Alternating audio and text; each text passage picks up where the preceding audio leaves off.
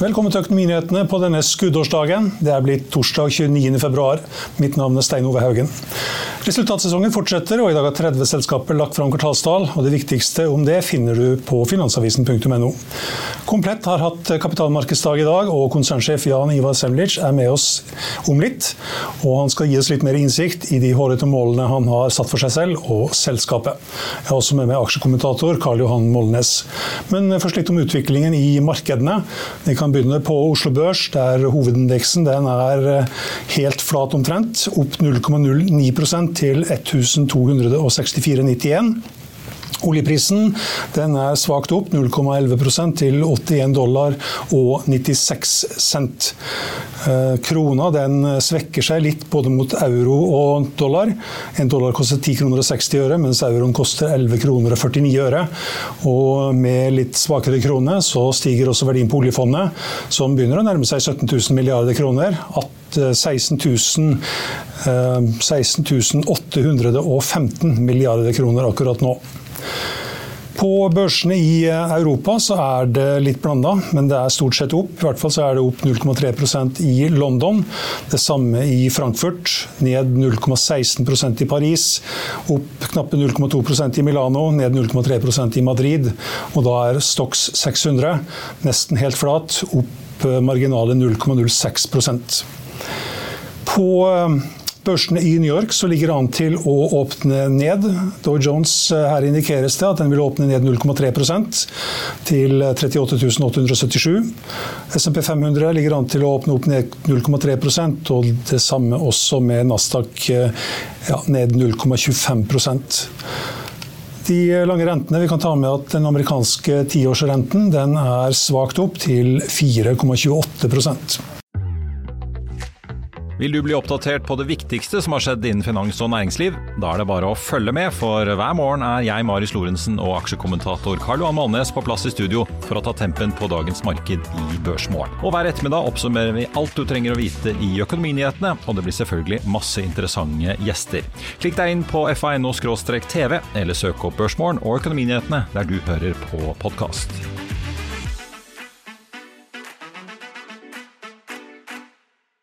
I'll see you in court. Vi sier det ofte litt på spøk, men for deg som driver business, er det aldri moro å innse at du ikke har laget en 100% gyldig kontrakt. Du bør ikke risikere hele firmaet ditt fordi du synes dette med kontrakter er litt stress.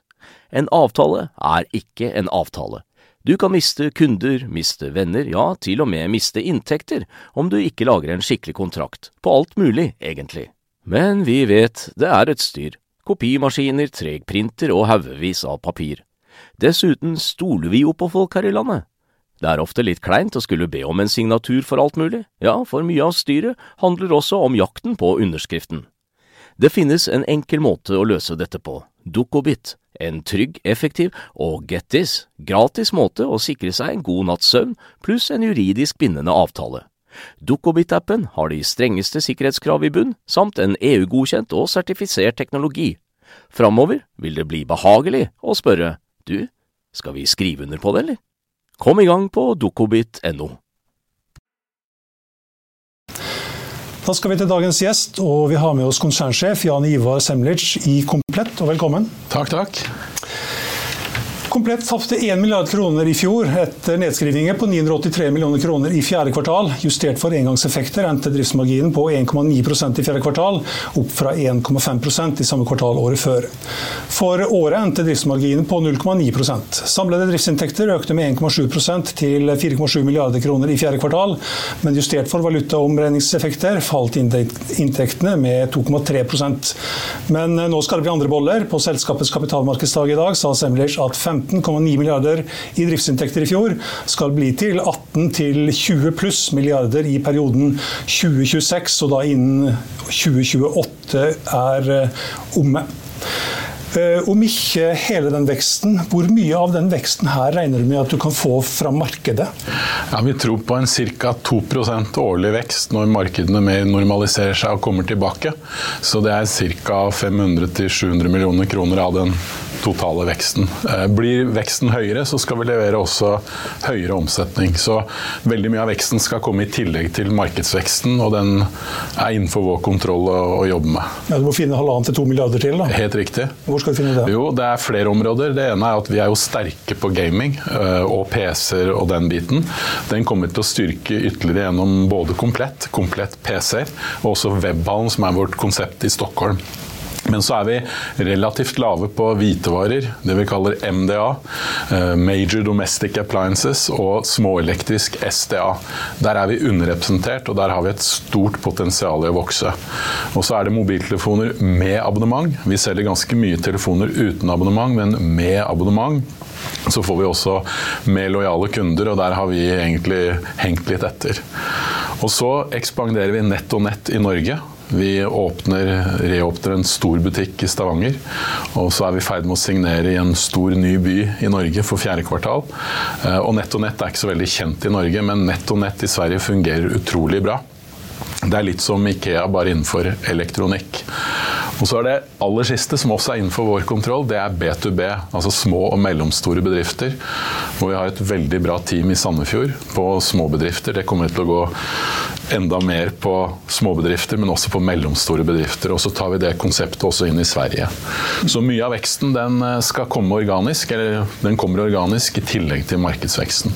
Forretningsmarkedet har dere liksom i underkant av 2 milliarder i omsetning av 16. Ja, helt riktig. Hvor mye tror du det er å hente der? Nei, Vi har sagt ca. en milliard uh, over perioden. Uh, og, så er det noe som kan, vil skje ganske raskt når en del bedrifter begynner å kjøpe PC-er igjen. Det har jo vært litt utsettelse på PC-kjøp, uh, men det, det, kommer tilbake.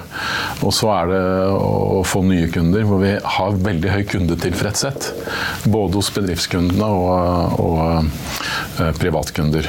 Og så er det en del på sortiment innenfor PC som vi ikke har hatt full tilgang til, men nå er vi såpass store ved at vi både er nett nett og komplett, som gjør at vi får tilgang til alt sortiment. Hvor, hvor mange nett- og nettbutikker skal vi ha i Norge? Vi har tre nå. Ja, vi har tre. Vi har sagt tre til fem ytterligere i Norge innenfor den perioden fram til 2028, så det er veldig kontrollert. Men vi ser at det hjelper på synlighet, det hjelper på top of mind, og vi kan vise en enda bredere range. Så nett og nett er jo et lavpriskonsept, mens komplett blir enda mer tech-orientert, rent online. Så en kontrollert økning med kanskje én til to butikker per år i den perioden. Vi, vil online-delen i nett som nå er 45% vil den da falle, eller vil Nei, den, stabil, den, den, vil være ganske stabil. Så når vi åpner en ny by eh, om ikke så altfor lenge, så vil også online-omsetningen øke fordi det blir mer kjent hos forbrukeren. Eh, og, og, nett ble jo starta med online, og så kom det det de kaller lagershop, eller de, eller det som var grunnlaget, hvor at du også kan hente varen veldig enkelt. Veldig self-service, veldig lav bemanning i butikk. Eh, og i det så har det også vært veldig mye private label, våre egne merkevarer.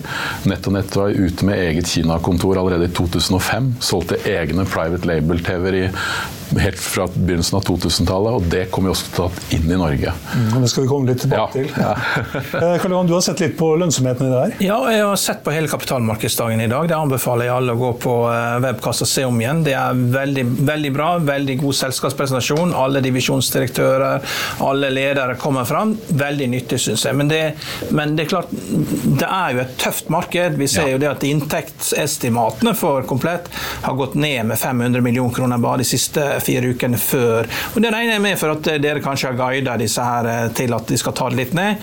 Så det ligger på 16,6 milliarder. Da. Mens eh, for Dustin, da, som er en fokusert svensk konkurrent, som også er i Norge, så er forventa markedet 1 milliard kroner mindre i inntekter i år enn i fjor. Så dette er et tøft marked. Mm. Og eh, Jeg var oppe i IT-avdelingen vår, og dere sier at dere tror på at folk må kjøpe nye hardware og nye tastaturer og sånn sånn, og, og eh, vår IT-avdeling sa det bare å skifte fra til Google Chrome, så sparer du det alt dette her. Sånn. Du trenger ikke investere i noe hardware. Så, Så det, det, det virker som at det, det er ikke så lett å vokse. Når da dere begynner å snakke om at dere har lyst til å gå inn i vaskemaskiner og sånn, og tørketrommel, da blir jeg bekymra. For eh, jeg, jeg, jeg, ser jo det at eh, hver gang man flytter ut av en leilighet, så tar man jo med seg det man har, og så kjøper man nytt. Så det er jo knytta til, til uh, salg av leiligheter. dette her. Så det, det, er jo ikke noe det vil få noe stort volum på i år. Så dette her virker mer som en sånn eh, tre til femårsplan dere har lagt. Men det er en sånn veldig stort hull i bakken akkurat nå i år, eh, som dere unngår da elegant å snakke om. og Det gjør meg veldig bekymra. Hva syns du til, hva, har du noen kommentar til dette? Ja, nei, Det er bra refleksjoner. Eh, vi er jo et krevende marked, og vi tror det kommer til å være krevende i hvert fall i et halvår til. Eh, vi så jo det for andre halvdel av desember at det var litt eh, mindre takt i julehandelen, selv om total julehandel ble egentlig veldig bra for oss. Eh, og så tror jeg altså Vi selger jo allerede hvitvarer i dag. Eh, ja, ja, det har vi sett. Ikke sant? Og over en halv milliard allerede. Og spesielt i nett og nett selger vi ganske mye hvitevarer og småelektrisk. Men, og, og dette er jo et løp hvor noe er quick wins. Vi har ikke hatt det riktige sortimentet på alt. Vi har ikke møtt de riktige leverandørene på alt. Vi har ikke hatt de riktige merkevarene på alt. Så det er noen quick wins.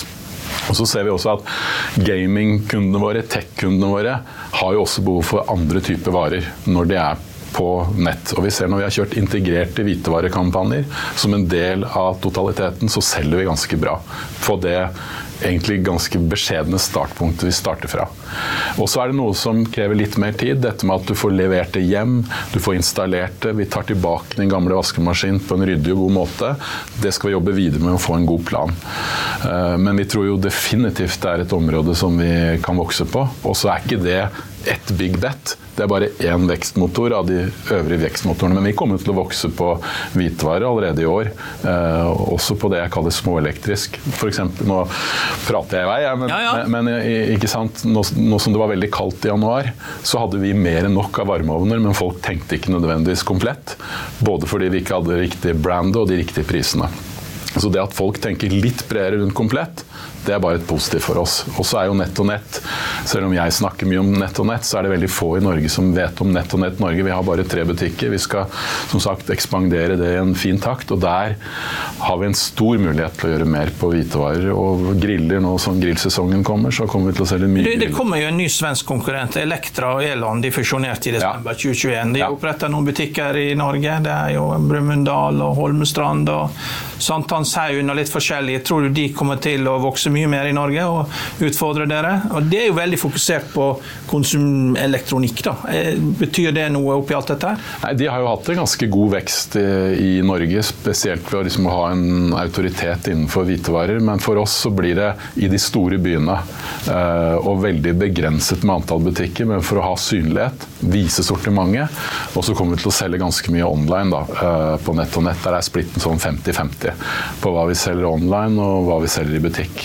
Du har jo var det sju års erfaring fra Elkjøp. Ja. Da lærte du alt om hva det var å være kremmer. ikke sant? Så vi, jeg lærte en del, i hvert fall. Ja, vi, jeg og Stein vi var på motsatt side, vi var kunder, så kom vi ut og skulle kjøpe vaskemaskin og, og tørketrommel, og har lest annonsen, og så kom jeg ut der, og så Nei, den vaskemaskinen til 2000 bør du ikke kjøpe den billigste, for det er, det er for dårlig sentrifugeprogram. Klærne blir ikke tørt, og du bor på en liten hybel.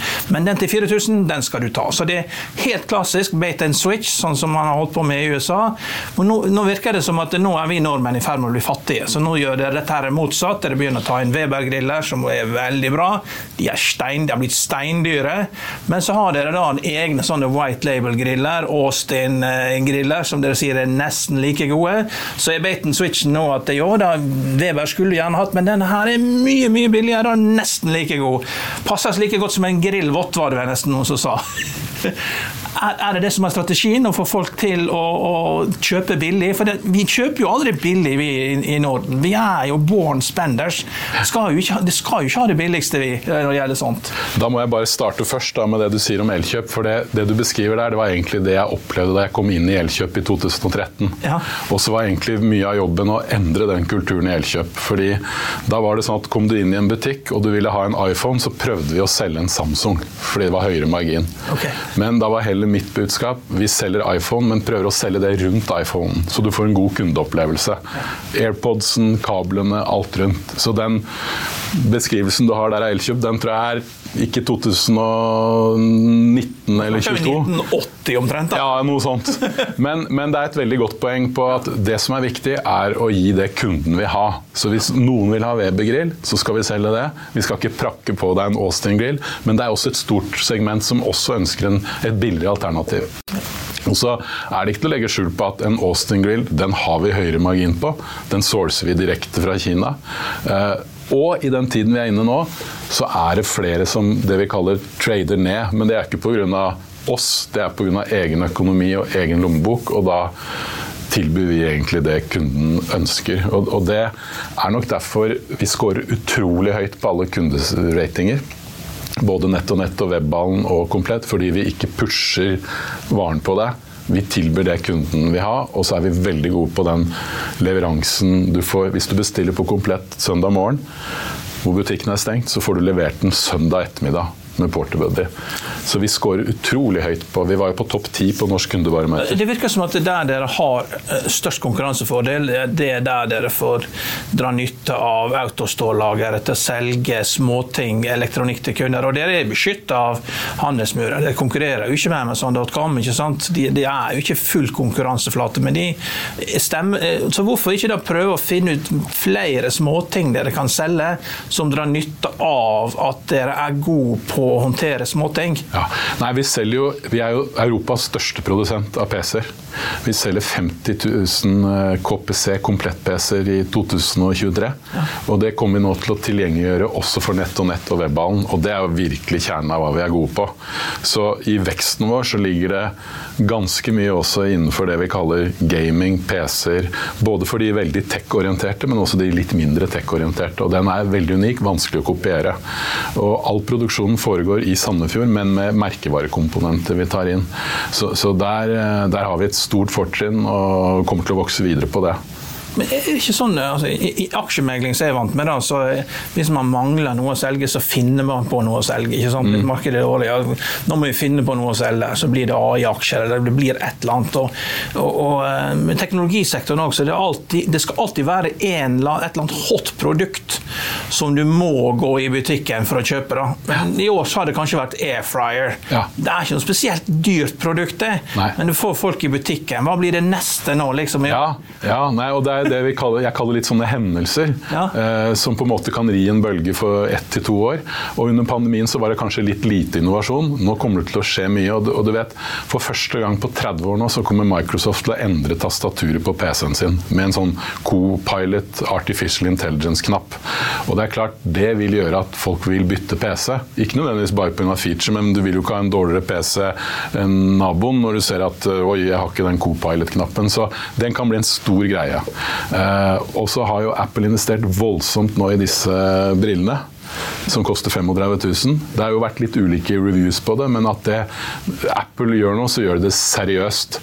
Eh, og så kommer det nok enda mer innenfor helse, eh, som vi ikke har sett alt av enda. Så, så jeg føler vi er inne i en periode nå hvor det kan bli en sånn ordentlig boom på innovasjon igjen. Litt drevet av artificial intelligence, men også fordi det er mye innovasjon der ute for øyeblikket som vi kanskje ikke helt har sett eh, det fulle ut av enda. Da. Hvor er veksten størst? Jeg tror der den kommer til å bli veldig stor, eh, er innenfor PC. Både fordi man har holdt en del ting tilbake, men også fordi det skjer mye på, på hele AI co-pilot-delen. Eh, og så er TV litt tilbake igjen. Eh, folk ser jo på, om ikke på analog-TV, så ser folk veldig mye på TV. Så de, kineserne gjør jo nå veldig mye på store TV-er. Og så gjør koreanerne mer på premium-TV-er.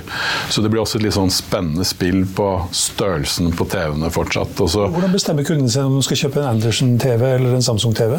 Ja, eh, Vi har innført nå ti års garanti på Anderson-TV, våre egne TV-er. Eh, fordi vi er trygge på kvaliteten.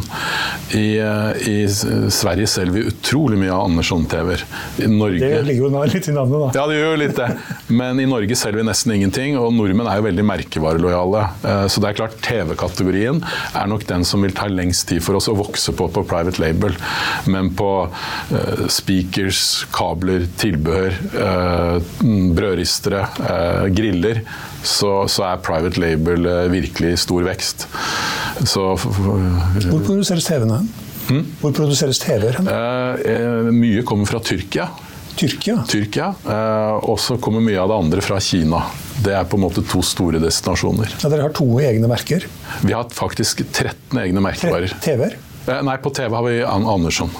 Anderson. Ske- Skentik eller noe sånt? Var det et eller annet som het det? Ja, men eh, det er TV på, som blir Andersson-fokuset. Men det er jo byvarianten av Andersson med to s-er dere bruker, da. Så Ja, det er riktig, ja. Så det, det har jo kunder som heter Andersen fra USA. Familien flytta til USA på 1800-tallet omtrent. og han, Hver gang han kommer til Stockholm på hotell, så prøver de å endre navnet hans da, fra Andersson med en s til to s-er. Så, så det er jo litt fint eh, navn, da. Det, det, det selger bedre i byen enn på landet med dob- dobbel S. Ja, og Det viktigste er jo at kvaliteten er bra og prisen er i orden. Så kan du nesten kalle det hva som helst. Eh, Samsung, hva betyr det? Hva betyr, eh, ja. Så det er jo innholdet og kvaliteten som er viktig. Men er svenske kjøpere mer merkelojale enn norske? Eller- Nei, jeg vil si nordmenn er, nordmenn er nok mest merkevarelojale i hele Norden. Ser det egentlig innenfor alle retail-handelsbransjer. Men det er i ferd med å endre seg. Det ser vi jo nå under pandemien, og folk vil spare. Eh, Så, så vi ser jo at appetitten for private label er større nå enn det det har vært tidligere. Men vi ønsker en god miks, fordi merkevareleverandørene er veldig gode til å bygge verdi, innovasjon, utvikle. Ta Dyson som utvikler støvsugersegmentet, støvsugere til 3000-4000 kroner. Robotstøvsugere med, med Roborock til 10 000 kroner. Så jeg tror nok de leverandørene som er i sånn tre-fire posisjoner, de er utsatt. Jeg tror liksom det blir en polarisering med private label og de sterke merkevareleverandørene som bygger eh, kategorier sammen. Hvor mye mindre koster en stor TV, f.eks. en 65-tommer, med Andersen kontra Samsung? Og hvor, Ja, hvis du hvor, mye, hvor mye bedre margin har dere på det? Ja, vi har dobbelt så høy margin på en private label-TV som en uh, Samsung-TV. Uh, og prispunktene i Sverige da, på en 65-tommer ca. 2000 kroner i, i, i, i forskjellig utsalgspris. Men det er klart mange vil ha en Samsung-TV, eh, og det er et bra produkt. Eh, så, så, så det er litt avhengig av behov, preferanser. Vi skal selge begge deler. Men som sagt, de som ligger i en sånn 3-4-posisjon som en merkevareleverandør, da er du utsatt. Du kan lett erstattes av en private label, fordi merkevaren din må være sterk hvis du skal være merkevare. Er det vekst på private label-produkter som skal gjøre at dere klarer å løfte marginen til 3-4 Ja, altså eh, Private label som sådan er ikke en del av kall det vekstplanen, men det er en del av marginplanen. Eh, og det er også innenfor mobiltelefoner med abonnement har mye høyere margin enn uten abonnement. Men private label er definitivt en del av, av bidraget, og det, og det er klart der får vi fordeler fra nett og nett. Hvor vi har hatt kontor siden 2005 i Kina. Hvor eh, det blir en stor fordel for komplett varemerke. Da.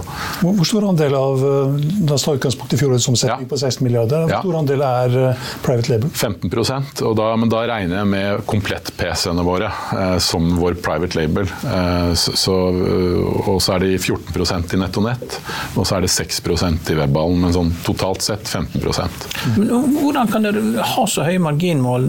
Altså 3-4 Det hadde jo ikke høyere marginer under pandemien engang. Det var liksom 3% margin under pandemien. Det, det er vanskelig å gjøre det bedre enn det. Så skulle jo alle ha widgets and gadgets.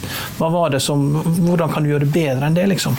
Jeg klarte jo opp mot 4 da jeg var i Elkjøp. Ja. Og vi vokste jo fra 17 milliarder til 42 milliarder under de syv årene jeg hadde i Elkjøp. Fire av de var oppkjøp, resten var organisk. Så Men Elkjøp er markedsleder. Ja, og det er, det er jo nesten enda enklere nå eh, når jeg utfordrer. fordi det å være en markedsleder, da må du forsvare posisjonen din. Eh, her har vi vekstmuligheter som er eh, spennende uh, innenfor noen kategorier hvor vi er underrepresentert. Og der vi er godt representert, er vi vanskelig å kopiere. Så for meg så, så Det var jo sagt i innledningen at dette var hårete mål. For meg så er dette realistiske mål. Men, men hvordan, når du skal inn da i Ja. vaskemaskinmarkedet, så er jo det sånn at uh, når du kjøper en maskin der hvitevare fra Elkjøp, så kjøper et eh, produkt, et oppkoblingsprodukt, så du er nødt til å ha det for du skal koble på vann og du skal godkjenne for forsikringer. Bruker Power de samme folkene som Elkjøp gjør til å gjøre dette, slik at dere kan source den samme poolen? Er de samme folkene tilgjengelig for dere, eller må dere også bygge opp montører, eh, egne montører? Ja, og det er, der, eh, det er jo mange som velger å bestille og ordne installering selv, men det er klart det er den siste der som vi skal jobbe med i forhold til installering og ta ta med eh, den gamle vaskemaskinen. Eh, og der er det ikke ett nettverk du bare kan bestille, du må sy opp det ganske lokalt. Eh, og det er en utfordring tror jeg også for de etablerte aktørene i dag, at det blir bra. Vi ser litt tørketromler på Ja. Power. Ja. Så kommer det en kar fra Bring. Bring er vel tilgjengelig for Bring er tilgjengelig, men vi ser på litt andre løsninger òg, som eh, kanskje blir enda mer skreddersøm eh, og enda litt mer personlig. Eh, det er noe med at den siste opplevelsen du har fra Elkjøp eller Power er en Bring-person, er ikke nødvendigvis optimalt, men vi skal nå jobbe med vårt. Vi, 40 av våre Oslo-kunder nå bestiller samme dag leveranse fra Porterbuddy. Eh, og Porterbuddy for oss er en veldig god partner. Vi vet at det blir alltid bra når Porterbuddy gjør den siste leveransen. Og så har ikke de nå sydd opp i forhold til vaskemaskin, men eh, og, og så, Nå snakker vi jo som om det er liksom vaskemaskin som skal redde Komplett Group. Det er ikke Nei, det. nei. Det er en, en del av veldig mange vekst... Nei, Jeg synes det er bra, for jeg ser jo at Ja. Best Buy og mange av de store i USA har sluttet med hvitevarer helt. da, og Det er jo, det er jo konkurranse med Amazon, men de har også, de har også kanonmarginer. da de har klart Ja. å finne en ikke. Men det, også, det blir jo stadig flere gamle folk, og Mm. dere har jo de tech-savvy folkene. da. Men de som ikke er så tech-savvy, de trenger jo kjøpe teknologiprodukter, de også. og De går jo til Elkjøp, for de får hjelp der, og hvis det ikke funker, så får de hjelp igjen. Og Det er jo et enormt marked, med tanke på all den svindelen som foregår på, med mobiltelefoner og på e-post og alt mulig, at det er gamle folk føler seg trygge. Det er jo helt enormt marked. Så eh, det er ikke så dumt å ha litt butikker, altså der gamle folk kan stavre seg med gåstolen opp og snakke litt med eh, en, en litt yngre person som kan teknologi. At det, det er ikke bare folk som bestiller på internett, Nei. men du har så enormt mange gamle folk. Ja. Og de får pensjonen sin uansett hvor det går med. Ja. De blir ikke arbeidsledige, for å si det sånn. De har penger. Ja. Nei, og Det er jo derfor vi ekspanderer nett og nett i Norge, da, med et lite butikknettverk. Og Der kommer vi til å selge type PC-er, mobiltelefoner for, din, for hele befolkningen. Men vi ønsker å spisse komplett nok enda litt mer mot tech-segmentet. Men så skal vi huske på at av våre tech-kunder så eh, så, så er det jo veldig mange som er 40-50 år, men som har vært med komplett siden 1996. Så i kundegruppen vår, ja det er mange under 20 år, men det er veldig mange kunder mellom 20 og 50. Og så er splitten, og vi ble jo spurt i dag på kapitalmarkedsdagen, ja dere har vel bare menn som kunder, men 30% er kvinner, 70 menn, og flere og flere kvinnelige gamere også, eh, i aldersgruppen 20 til 40. Så det er mye som skjer i markedet, på, og, og vi ønsker jo da at tech-kunden også kan kjøpe litt mer enn bare en gaming-PC eller et grafikkort. Så, og når det er sagt, Elkjøp kommer alltid til å bestå. Elkjøp uh, er et bra selskap. Ja, de er fleksible, de har endra litt servicemodellen sin. Ja. Det er ikke så mye varer i butikken. Til, tilsendt. Det, er, det, er- det er ikke så lett vet du, som du tror eh, å gå mot din gamle arbeidsgiver. Så det, det, er, det er hårete mål du har satt deg. Det, jeg vil si at det er mål vi skal klare å nå. Jeg er personlig forplikta til å levere på de målene. og Så blir det en spennende reise i et krevende marked, da. Det må sies. Eh, Men det her med egne merkevarer, private labels, Ja. det er jo på, frem, ja, det er på fremvekst. Det, det vokser. Vil de originale merkeleverandørene sitte og se på at eh, de private labels oversvømmer butikkene, og så blir de en stadig mindre del? Kan det tenkes at de finner på at nei, dette vil vi ikke vi ikke være med på lenger? Det er derfor vi kommer til å jobbe veldig tett med de store merkeleverandørene fortsatt. Jeg tror de som får det tøft, er litt de jeg var inne på, de som er i tre-fire posisjoner, som egentlig ikke tilfører noe ekstra. Eh, Men de store leverandørene kommer vi til å vokse med, eh, i tillegg til private label. Eh, Både fordi det bygger kategorien, det bygger innovasjon. Så, så vi har jo gode partnersamtaler nå med de store leverandørene. Eh, Men det er noen vi kommer til å kaste ut, men det er ikke de aller største. Så det blir noen tøffe valg underveis, men Samsung blir med videre, Weber blir med videre. det blir det definitivt med videre. Kan, du snakke litt om Ironstone, dette Ja.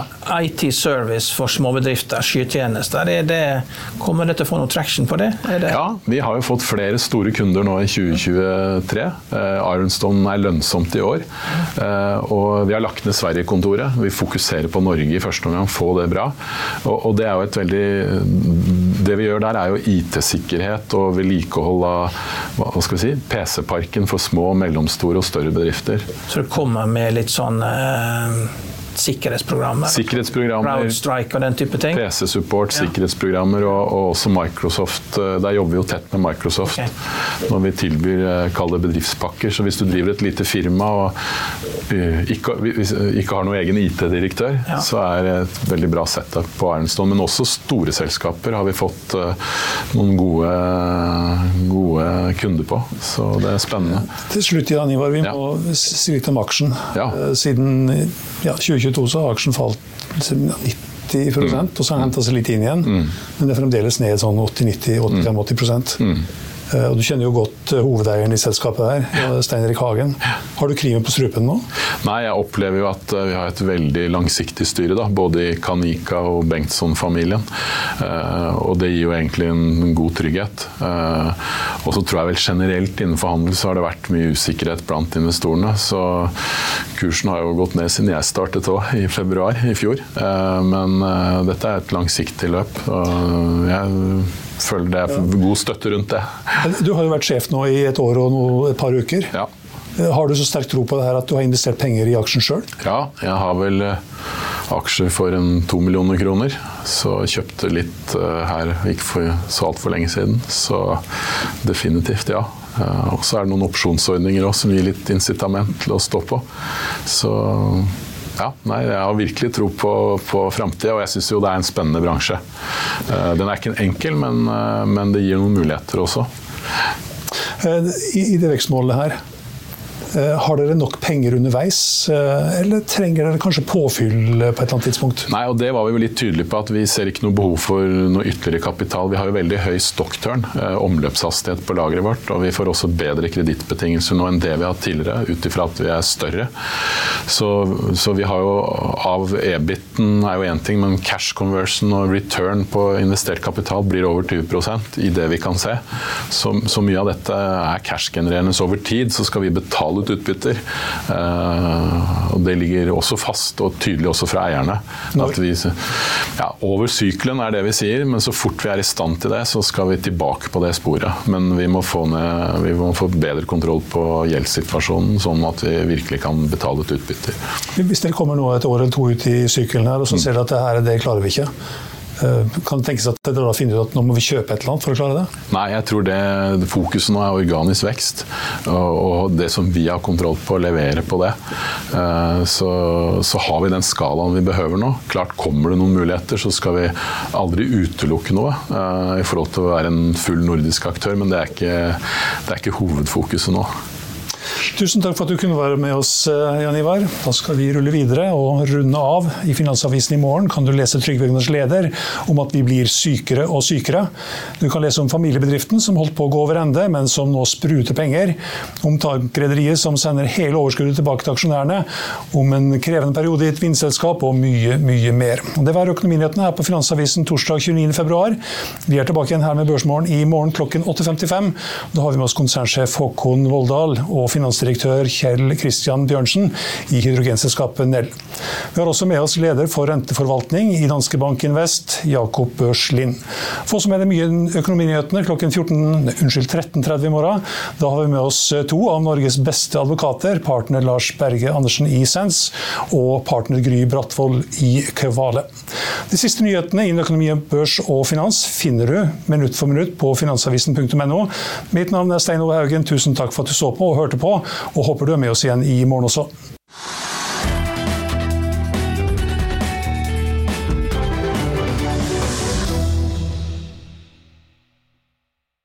Økonominyhetene er en podkast fra Finansavisen. Programledere er Marius Lorentzen, Stein Ove Haugen og Benedikte Storm Bamvik. Produsenter er Lars Brenden Skram og Bashar Johar. Og ansvarlig redaktør er Trygve Hegnar.